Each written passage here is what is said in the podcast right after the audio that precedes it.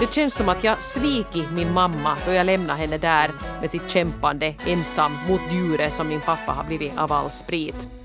Fortfarande drömmer jag då och då om hur mitt liv skulle kunna se ut om min familj var annorlunda eller vad som skulle ha hänt om min mamma hade vågat skiljas när jag var liten. Jag vill inte vara alkoholistens dotter, men det följer mig överallt jag går.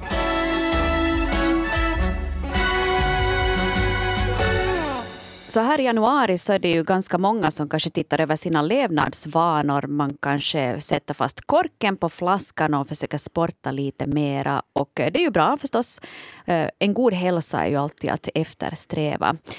Eh, vi ska inte prata dock om alkoholbruk på det sättet i dagens upplaga av relationspodden Norrena och Frans, utan idag så ska vi istället rikta strålkastaren förbi den missbrukande och prata om medberoende.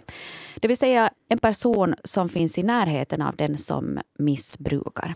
Mm, och det som jag såg när jag insåg när jag läste era brev att det är ganska många som till och med i ett ganska sent skede har insett att det är medberoende de är.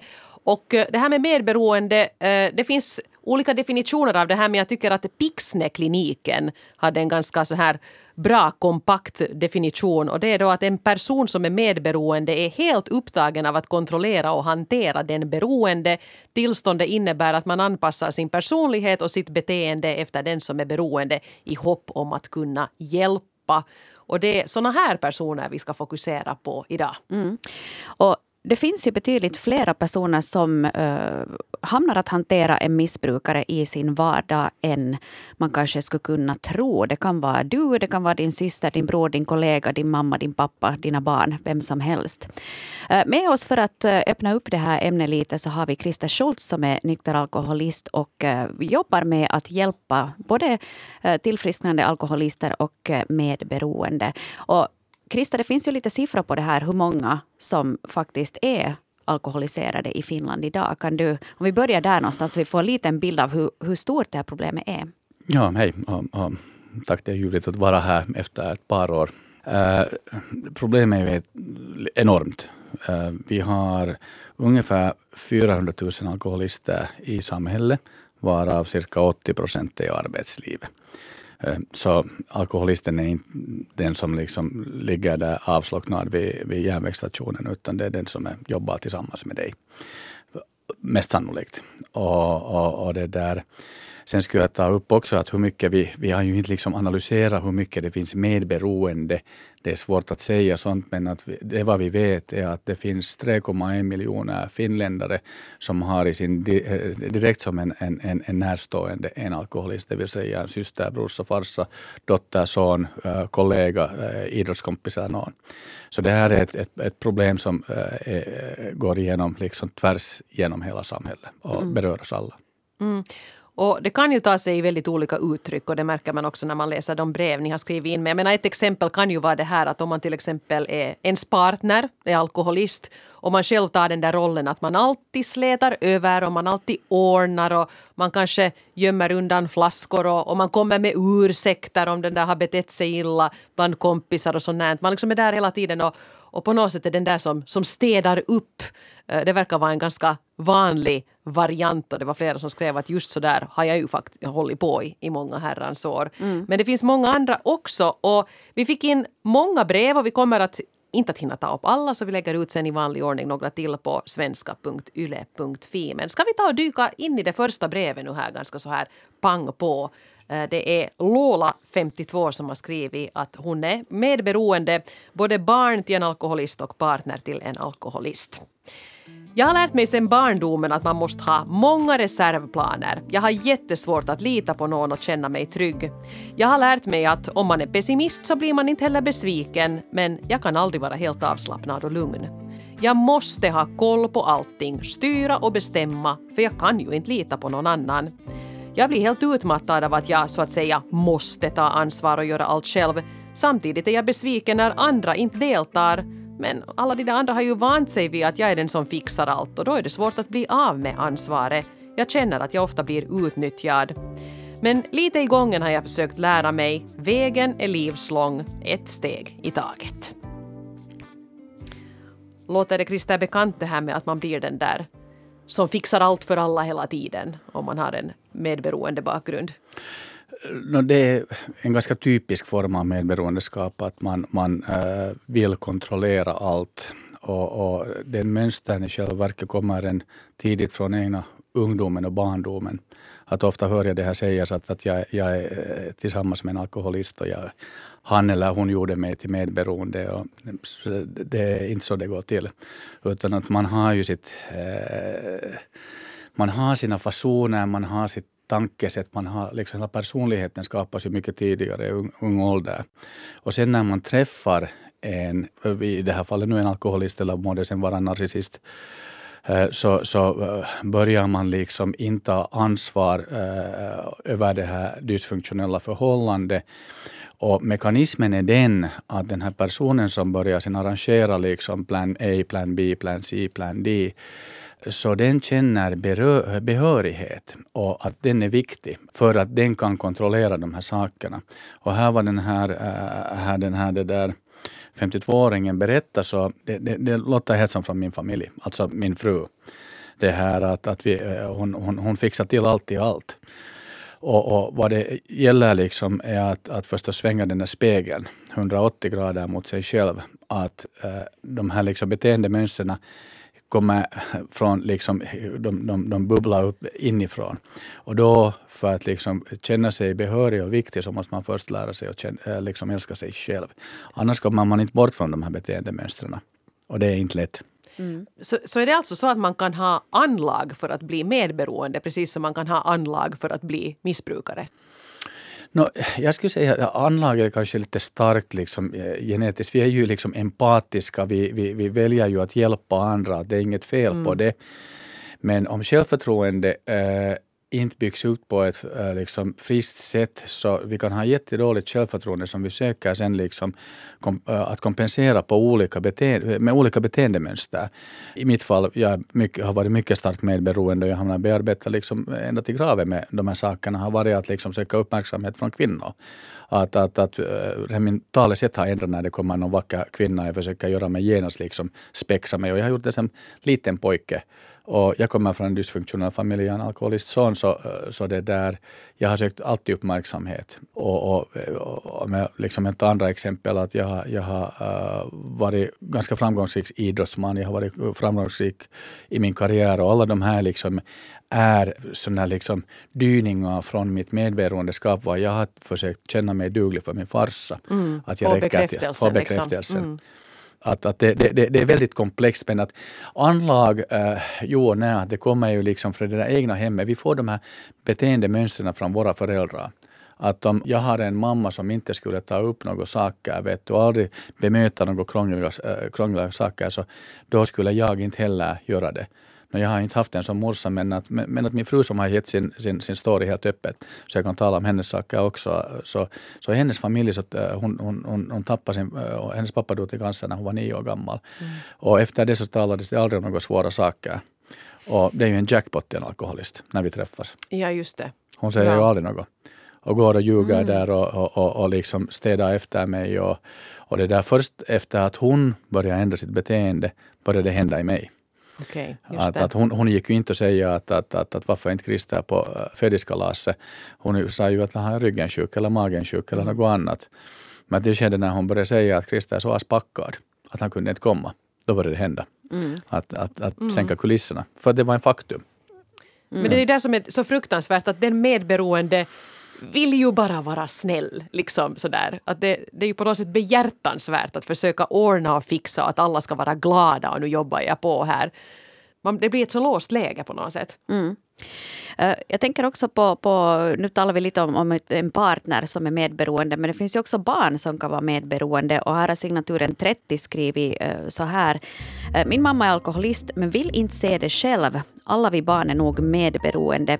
Egentligen så borde vi bara klippa av bandet, speciellt eftersom hon inte vill söka hjälp. Hon är lättirriterad, trött, orkeslös, vill inte göra någonting alls utanför hemmet, kommer i bråk med de flesta och uppdaterar på Facebook sent om kvällarna och nätterna så skriver signaturen 30. Men Christer, är det just klippa banden de borde göra eller en markering? Ja, det, det jag brukar säga att älska inte oss till graven. Liksom alkoholisterna. Det där att, att, att det måste sättas gränser för att alkoholism är en väldigt narcissistisk sjukdom. Det vill säga om inte omgivningen ändrar sig så ändrar vi inte oss heller. Det betyder inte att liksom omgivningen har ansvar över vår sjukdom. Vi måste själv ta liksom ansvar över uh, sjukdomen alkoholism. Men, men att klippa liksom av de här närstående bort eller sätta gränser, då är det förstås väldigt svårt för att vi är födda med empati, största delen.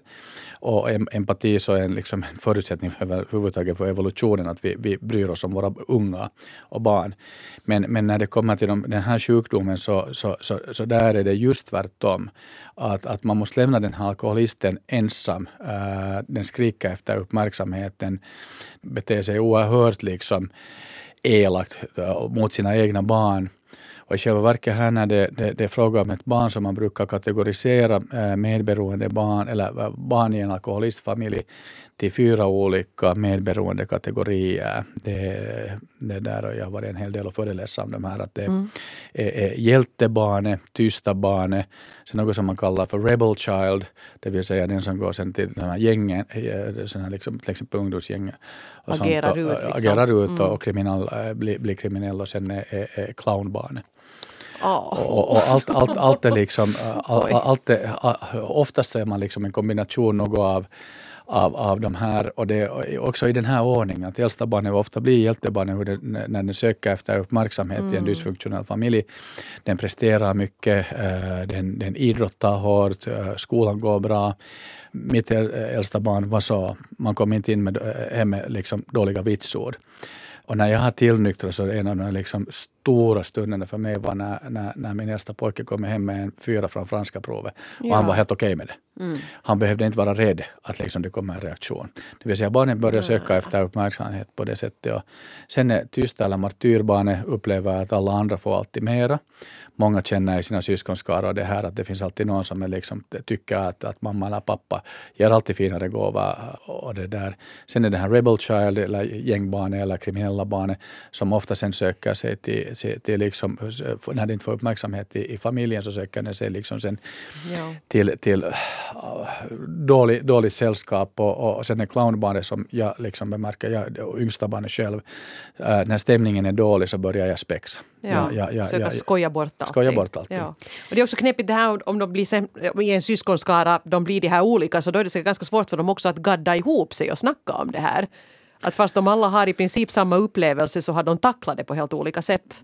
Jo, nej. Det där, eh, de har alla tacklat för att det, har liksom, det, är en, psykologisk mekanism vi börjar bete oss för att få liksom, uppmärksamhet. Men att oftast så är de nog liksom sen enhetliga emot den där liksom, eh, antingen rusföräldern eller medberoendeföräldern. Att då ska man komma ihåg att, att, att, att medberoendes eh, beteende kan, kan vara väldigt destruktivt. Att om det finns ett, ett, ett, ett liksom föräldrar varandra är drickande och andra är nykter, äh, odrickande eller har en rusproblematik och, och, och bara liksom städa undan. Så det är lika skadligt för de här barnen fast det är inte liksom andedräkten luktar inte alkohol. Mm. Just det, att man, man ser hur den andra reagerar och agerar i en sån situation. Men hörru, jag, jag måste säga att jag, jag, jag blir på något vis hemskt ledsen. Eh, Den här brevskrivaren så var ju 30 och, och kan liksom ha flyttat hemifrån och, och kan liksom betrakta sin eh, drickande mamma så där på avstånd. Men då du berättar just om de här barnen som finns inne i den här familjen. Om jag har förstått saken rätt så barnen är ju väldigt lojala mot sina föräldrar. Att även fast det finns då en rusproblematik i familjen så säger de inte åt någon. Hur ska man kunna hjälpa de här barnen som är i de här familjerna? Uh, de som ännu bor hemma. Ja, den här, jag, jag, jag, min far flyttade ut när jag var liten. Så, så, men fast han har liksom inte bott hemma så har det inverkat på mitt, eh, mitt liksom, min uppväxt och tillväxt och hur jag känner mig själv. Uh, skolan har ju på ett sätt ett ganska stort roll. Vi kan ju inte liksom outsourca det till skolan. Men, men, men, men stor roll i det avseendet att liksom, om det kommer snabba sådana liksom beteendeförändringar bland barn så det är alltid liksom ett signalement av, av, av något. Och, och sen finns det nu för tiden som, något som är jättebra, att det finns en här liksom eh, hjälpande telefonlinje som är, lär vara superpoppis. Att, att, att det viktigaste är, kanske när jag har gjort det här, det här jobbet eller in, försökt liksom, eller förespråka det här, de här sakerna, är, är det att, att de inte är ensamma. Det är det som jag går och föreläser runt i skolorna när jag berättar de här examina, talar om mig själv. Och, och jag har ju mottagning i dagens läge. Det kommer ofta liksom 20-åriga, speciellt grabbar, som första gången i sitt liv hör att hej, att jag är inte ensam med den här saken. Ja. Uh, så, så, så, det är jätteviktigt att de inte liksom blir ensamma. Och hur, liksom, i, i perfekta världen så skulle vi lära om de här sakerna i skolan. Vi skulle berätta sen från tioåringar och framåt så borde de få höra om olika beroendeskap, medberoendeskap, alkoholism, eh, ätstörningar. Så borde vi lära i skolan att vi vet vad det är om. När vi väljer att inte lära om de här sakerna väljer vi samtidigt att äh, låta den här stigman växa. Och så har vi igen liksom att, att också systemet gör oss på ett sätt medberoende. Mm. Men jag tänker också att om, om nu någon lyssnar på det här och tycker att liksom, också som, som jag och Anna reagerar på det här. Det, det blev på något sätt så jättetydligt med clownbarnet och hjältebarnet och det här när du, när du räknar upp det här. Uh, jag skulle säga, bara, jag har inte erfarenhet av just det här men annars i andra situationer så har jag väldigt positiva erfarenheter av skolkuratorer till exempel. Att jag menar nu kan det finnas hjälp på ganska nära håll och få också men jag tror att där kan det vara viktigt för någon del av den där föräldern att ge klartecken för det här. Att du får gå till kuratorn och så får du prata så att säga illa om oss om du behöver diskutera med någon. Så jag tycker att sådana här funktioner finns det. Och sen vet jag också att de har ju tyvärr blivit populära, de här telefonlinjerna och chattlinjerna som du nämnde Christer. Att sådana finns ju också. Men att kanske uppmuntra dem att, att behöver ju gå, du behöver inte vara tyst om det här, att du får berätta om det om det behövs. Nej, och sen, sen, sen, sen, sen något som är, äh, vissa städer gör nu, äh, nu tilltagande det är att de använder sådana här äh, erfarenhetsexperter som kommer att berätta om sitt liv det där till, till skolor. Jag, jag, jag råder liksom alla, alla skolor runt omkring landet att använda era. Det finns, liksom, det finns hundra eller tusentals människor som är färdiga att göra det här helt gratis. Så, så det är inte en kostnad, men, men, men det tar bort den här stigman runt omkring ämnet. Mm. Vi skulle kunna ta ett brev här också från ett vuxet barn till en alkoholist. Lycklig och fri, 33. Min pappa är alkoholist men jag blev väl egentligen inte medveten om hans problem förrän jag blev deprimerad när jag fyllde 26 och gick i terapi. Jag hade lärt mig hemifrån från min medberoende mamma att man ska tassa omkring konflikter, man ska sopa problem under mattan och man får absolut inte göra pappa arg. Mamma var en mästare på att hålla fasaden uppe och styra pappas drickande. However, efter flera år av terapi vågar jag äntligen sätta mina gränser. Till exempel har jag satt ner foten många gånger och förbjudit att pappa dricker i närheten av min dotter. Han får nog komma på besök men då barnen är med så dricker man inte. Det här skulle jag faktiskt aldrig ha klarat av för några år sedan men det går nu med lite övning och verktyg som jag fick av min terapeut. Tack till terapeuten. Mm. Det är just så man ska gå tillväga. Jag pratar aldrig med min far över min, hans alkoholism. Jag, vi har ingen i vår familj har någonsin sagt ett, liksom, ett tvär, tvärord liksom över den saken överhuvudtaget. Så har inte pratats om. Och, och, och, det här just att, att uh, vi kan inte ändra på någon annan. Det är en, en, en hopplös tanke överhuvudtaget att försöka få en alkoholist att sluta dricka med att säga att nu ska du sluta. Det, där är lite samma som att säga att mig, att, äh, som är också diabetiker, att, att, att nu ska ditt liksom sockernivå eller insulinvärden vara det här och det här. Ja. Det, det, går inte att styra. Så det där enda vad man kan göra är att man kan, man kan ändra på sitt egna beteende i det här fallet också, så de här beteendemönstren kommer ju där från egna hemmet, var man inte har blivit lärd att, att, att sätta, ställa till gränser. Och, och det som jag tycker liksom är, är, är, ganska sorgligt, jag har en sån här Facebookgrupp som är, nu den, liksom på tio månader kommit 3000 människor, äh, heter Alkoholismen tavalliset kasvot, var det, var det äh, talas mycket om, om, om beroendeskap, inte endast liksom alkoholism utan också medberoendeskap och människor berättar där sina egna historier. Och, och, det där, och så får jag jättemycket liksom direkta kontakter. Jag talar säkert fyra fem timmar per dag i telefon med människor. Och det som jag får höra väldigt ofta är till exempel från barnskyddet träffarna var äh, barnskyddet börjar bli med, liksom möjliggörare. Att det här klassiska exemplet att, att, att farsan har supit och liksom äh, har, har tiltat helt totalt eh, under julsemestern, slängt kanske några möbler runt omkring. Polisen kommer och söker honom i Butkan och så kommer han tillbaka nästa dag, ber om förlåt, det blir barnskyddsanmälan automatiskt, så går man sitta dit. Och, och det här är helt liksom ett, ett, ett, ett, konkret exempel från Helsingfors från, från en och en halv vecka sedan tillbaka. Att vad barnskyddet har sagt att liksom den här modern i familjen ska, eh, ska det där att istället för att påpeka om det här drickande så skulle det vara bättre att hon skriver ner sina känslor i ett häfte och inte säga om dem till den här mannen. Och, och samtidigt så kan hon räkna upp, räkna upp att liksom hur mycket han dricker och märka själv att, att hur hon liksom påpekar antagligen för, för uh, liksom lätt över sakerna. Och också att barnen borde stödja pappas ordruckenhet. Så här har vi flyttat över rusproblematik till resten av familjemedlemmarna. Det är helt klart att man intar då liksom medberoende beteendemönster. Och det här, sådana här exempel har jag hört hundratals. Och, och jag, jag ställde till och med en fråga liksom i den här Facebook över det här och det kom fast hur mycket svar över det här. Mm. Men jag tänker, för jag tänker just att det, det blir ju lätt så att man tycker synd om den eh, som missbrukar. För det, det, är lite synd om den och den har det svårt och vi måste förstå det har varit en jobbig tid och man kanske behöver dricka lite mer och så här. Och att det, det är som så himla synd om den och jag kan typ bli lite trött på det där emellanåt. Och, och tänka att, att varför är det nu så himla synd? Varför är dina problem så mycket större än mina problem? Det, här, det, det, det, är, ju, nej, nej, det är fråga om en väldigt narcissistisk sjukdom.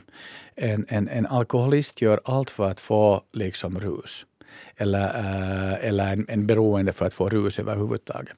Så det är där vi börjar styra eh, vårt beteende och beskylla de andra över varför vi måste dricka. Och då börjar de andra tillta beteendemönster, att de inte bara liksom sårar oss.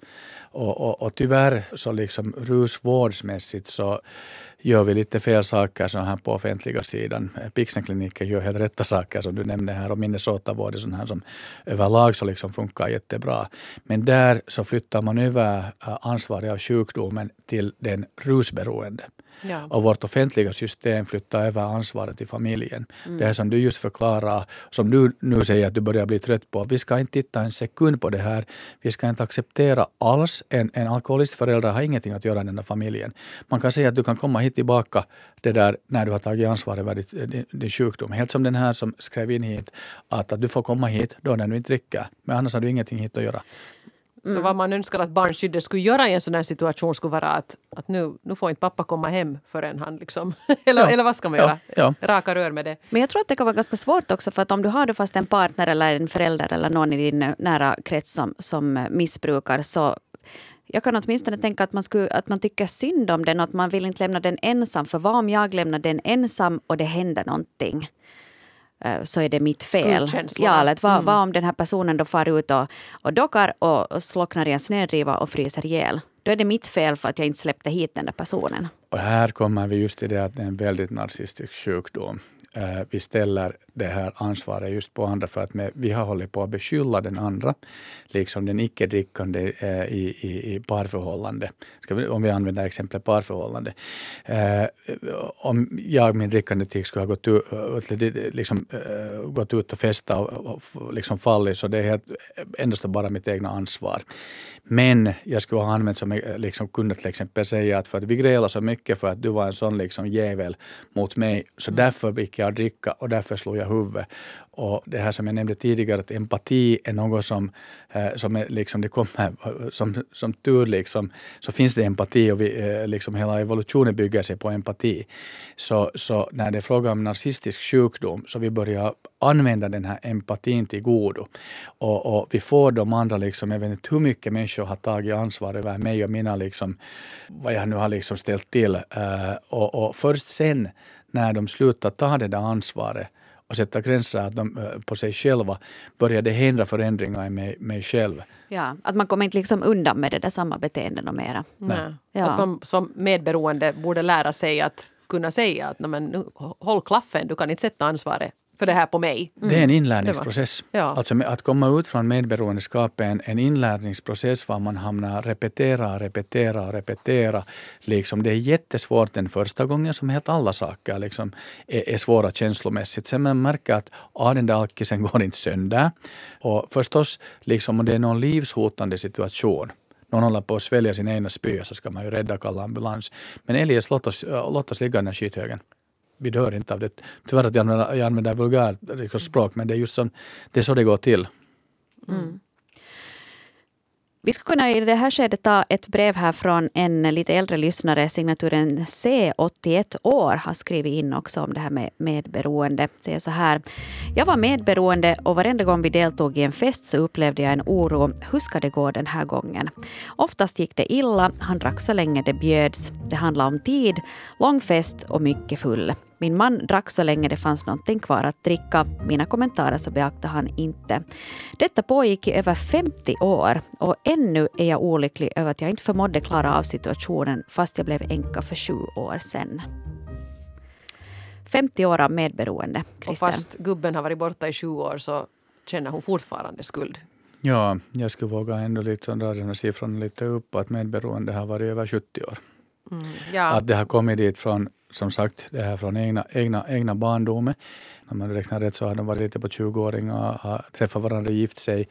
Det här med medberoendeskap, äh, det är något som är ganska liksom, äh, hur ska jag säga, ironi är inte rätta ord, men att, att, att när jag har varit mycket med om liksom rusvård och ska vi säga att vi har typexempel ett par som har varit gifta sedan lite kortare tid. I, i, man kommer i rusvården som, som, som 45-årig och man har varit gift liksom i, i, kanske liksom 20 år.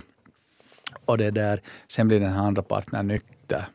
Men det här mående för den medberoende försvinner inte någonstans. Den mår ännu också illa. Så liksom det försvinner inte från det att, liksom att en alkis blir nykter i ett förhållande. Och det är liksom just det här kanske som på något ska man säga, bevisar det där att, att det är inte alkoholisten som gör det här en människa medberoende. Det där underlaget finns en där. Mm. Och, och, och, det är ett underlag för att få liksom uttrycka sina liksom, Eh, sitt kontroll, eh, känna sin behörighet. Och ofta det här känns, eh, kan låta lite underligt, så när någon blir nykter så, så börjar medberoende bara bli värre. För att man tar bort källan för att kontrollera saker. Jag är inte mera viktig. Jag Nej, behövs inte till något. Mm. Jag är nothing. Och, och, och, och därför liksom så, uh, bör de också vårdas. Och, och, om vi tittar till exempel till Sverige så, så vårdresultaten räknas inte endast liksom om alkisen blir nykter, utan man tittar också att börja med de liksom anhöriga eller närstående mår bättre. Ska vi säga att vi har fem personer, en alkis och fyra liksom syskon, och alkisen blir nykter och alla syskonen mår jättedåligt. Det betyder i praktiken att deras vårdresultat skulle vara 20 procent. Mm. För att alla är lika viktiga, alla blir jättesjuka in i, det här, liksom, i hela den här bubblan. Ja, det, där, det var jättebra det där du sa just om din son, att det var ju också en seger det där att han kom hem med en fyra. Och det, var, no, det var nu det. Mm. Ja. Så det där att vara medberoende så fyller sin funktion hos den medberoende. Att man får en känsla av att vara viktig och, och kunna Kanske fixa saker till. Ja, att man känner sig lite duktig. Det är den medberoendes drag. Mm. Det är den som den behöver hela tiden för att, liksom, att äh, kontrollera, tjata, städa. Äh, städa är ett väldigt liksom, mycket vanligt exempel form av, av, av äh, alla städar ju men att, att liksom, man kontrollerar extremt. Jag har levt i ett förhållande var, var, var, var min partner liksom gjorde allt, liksom stryka mina, mina strumpor till och med. Gjorde helt allt. Liksom, allt skulle vara perfekt. Allt, allt som kunde kontrolleras skulle vara perfekt. Men liksom ja. gick någon plan lite snett. Vi var på någon utlandsresa, vi skulle gå på någon exkursion. Och så, det där, så kom det kvällen innan ett sms att, att exkursionen blev inhiberad. Hennes värld rasade. För att kontrollen for. Mm. Precis. Och, sen, och sen, sen, kan vi titta runt omkring i samhället att hur mycket finns det av sådana här beteendemönster. Ni ser det på alla nivåer. Vi ser det ganska klart nu liksom i politiken med det här corona som inte man kan kontrollera.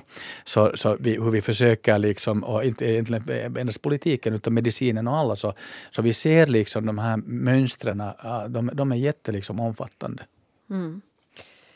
Ett sista brev ska vi hinna med. Det, det, är ganska långt men vi ska försöka få med så mycket som möjligt. Och eh, det är alkoholistens dotter 36 som skriver. Min pappa var och är alkoholist. Under hela min uppväxt kan jag inte minnas en dag då han skulle ha varit nykter. Speciellt svårt var det under längre ledigheter för då började han supa den på morgonen. Han var våldsam också. Han slog mamma. Mig och min syster slog han aldrig, men han kallade oss tjocka, svin och värdelösa. På 90-talet var det jättesvårt i Ryssland, där jag kommer ifrån. Min mamma sa att hon inte skulle klara av att försörja oss två barn på sin lön så därför måste hon stanna hos vår pappa. Alltså stannade hon för vår skull, sa hon. Idag har jag inte bott hemma hos mina föräldrar på över 15 år men det känns fortfarande att jag mentalt stannar kvar där och hela mitt liv präglas av att vara alkoholistens dotter. Både jag och min äldre syster har sagt till mamma att om hon skiljer sig kommer vi båda att stödja henne både mentalt och med pengar. Då börjar hon alltid gråta och säger att det här är hennes kors att bära, det finns ingenting att göra. Fortfarande känner jag mig som en liten oduglig flicka från en liten stad i Ryssland fast jag nu är 36 år gammal, har ett bra jobb och är en ganska vettig människa. Det känns som att jag svikit min mamma då jag lämnade henne där med sitt kämpande ensam mot djuret som min pappa har blivit av all sprit. Fortfarande drömmer jag då och då om hur mitt liv skulle kunna se ut om min familj var annorlunda eller vad som skulle ha hänt om min mamma hade vågat skiljas när jag var liten. Jag drömmer ibland så långt att jag tappar kopplingen till vardagen. Jag vill inte vara alkoholistens dotter, men det följer mig överallt jag går. Jag tyckte att det här var en av de liksom bästa och känsligaste breven. Det är så ofta det går till så här. Det här barnen börjar ta ansvar över sina föräldrar i ett, ett tidigt skede. Och det här är ganska liksom, äh, bra eh, skrivet om det också. Att, att, äh, att hur liksom, där finns två väldigt sjuka människor. Båda föräldrarna är väldigt sjuka. Modern är en, äh, liksom, väldigt dramatisk. Jag klarar mig inte av vi lever i ett land var man kan riktigt bra skilja sig. Liksom. Man, man får mat åtminstone, man får tak på huvudet.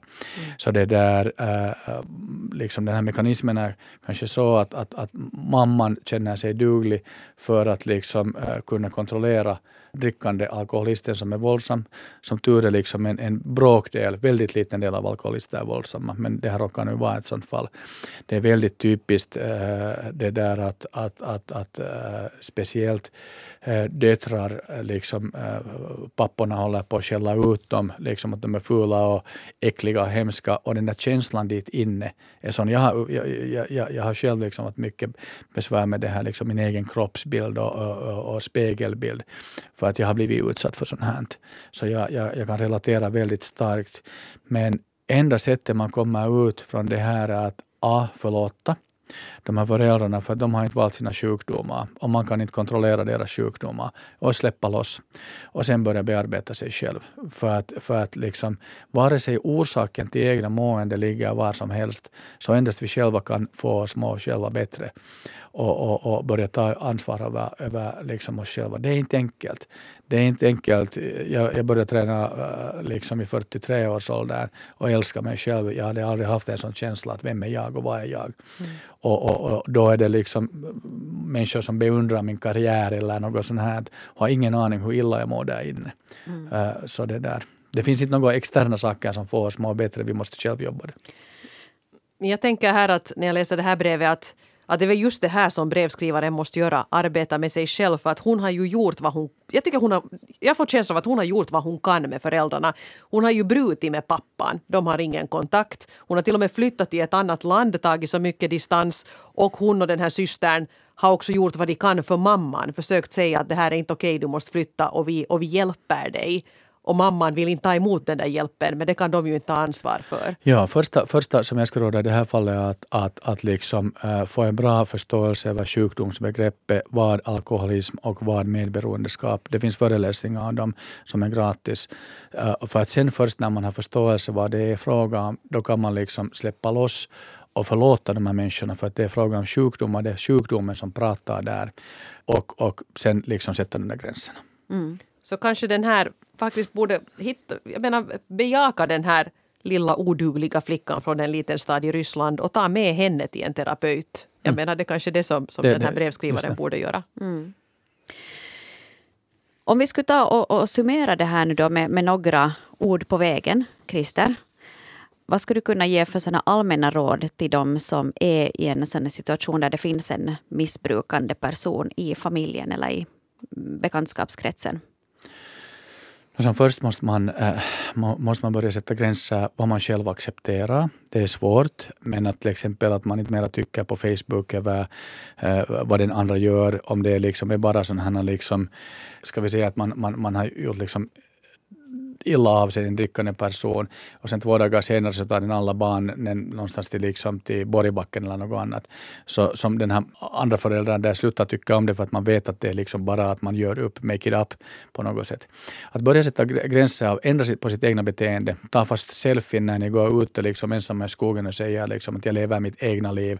Hashtag my life och så här. Mm. Och, och, vad min fru gjorde, att hon började bjuda kompisar hem till oss. Och jag tyckte att det var helt fruktansvärt.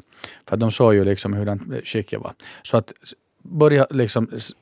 liksom Vad smart. Mm. Ja, ja, ja, ja, ja, Att, att kulisserna ner. Och, och, och, och sen finns det professionell hjälp också. Det finns mycket på nätet.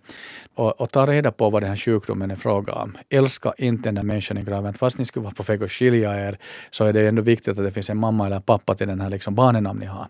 Så, så, så alla, allt borde ju liksom ämna till att, att få liksom hjälp till det här, äh, det här rusberoende.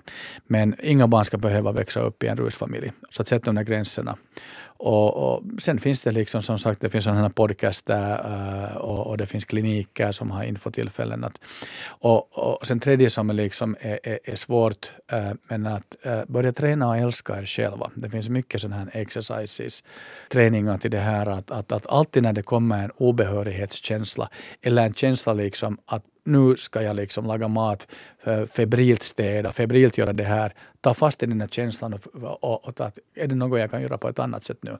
Kan jag bara sätta ner mig på soffan, öppna tvn och liksom bry mig om mig själv, inte om alla andra. Och ta emot liksom vad den här liksom underliggande känslan är. Mm. Jättebra konkreta grejer där man kan börja. Eh, jag vill här ännu tipsa om att du, du har ju Christer varit med i podden tidigare så att om någon tycker att, att den vill lyssna vidare på det här ämnet, lite relaterat, då pratar vi kanske inte så mycket om medberoende utan mer om missbruk. Men det finns ett avsnitt av Norrena och Frans som publicerades den 21 9 2019 så det är lite gammalt men tyvärr väldigt aktuellt. Mm. Stort tack till dig, Christer Scholz, för att du gästar Relationspodden idag och uh, ha en riktigt fin fortsatt vår. Tack, tack. Må bra alla.